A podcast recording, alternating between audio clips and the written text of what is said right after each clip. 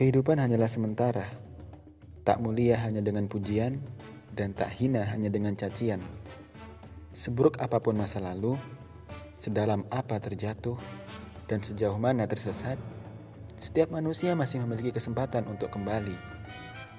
Introspeksi, realitakan, ekspektasi, dan eksekusi.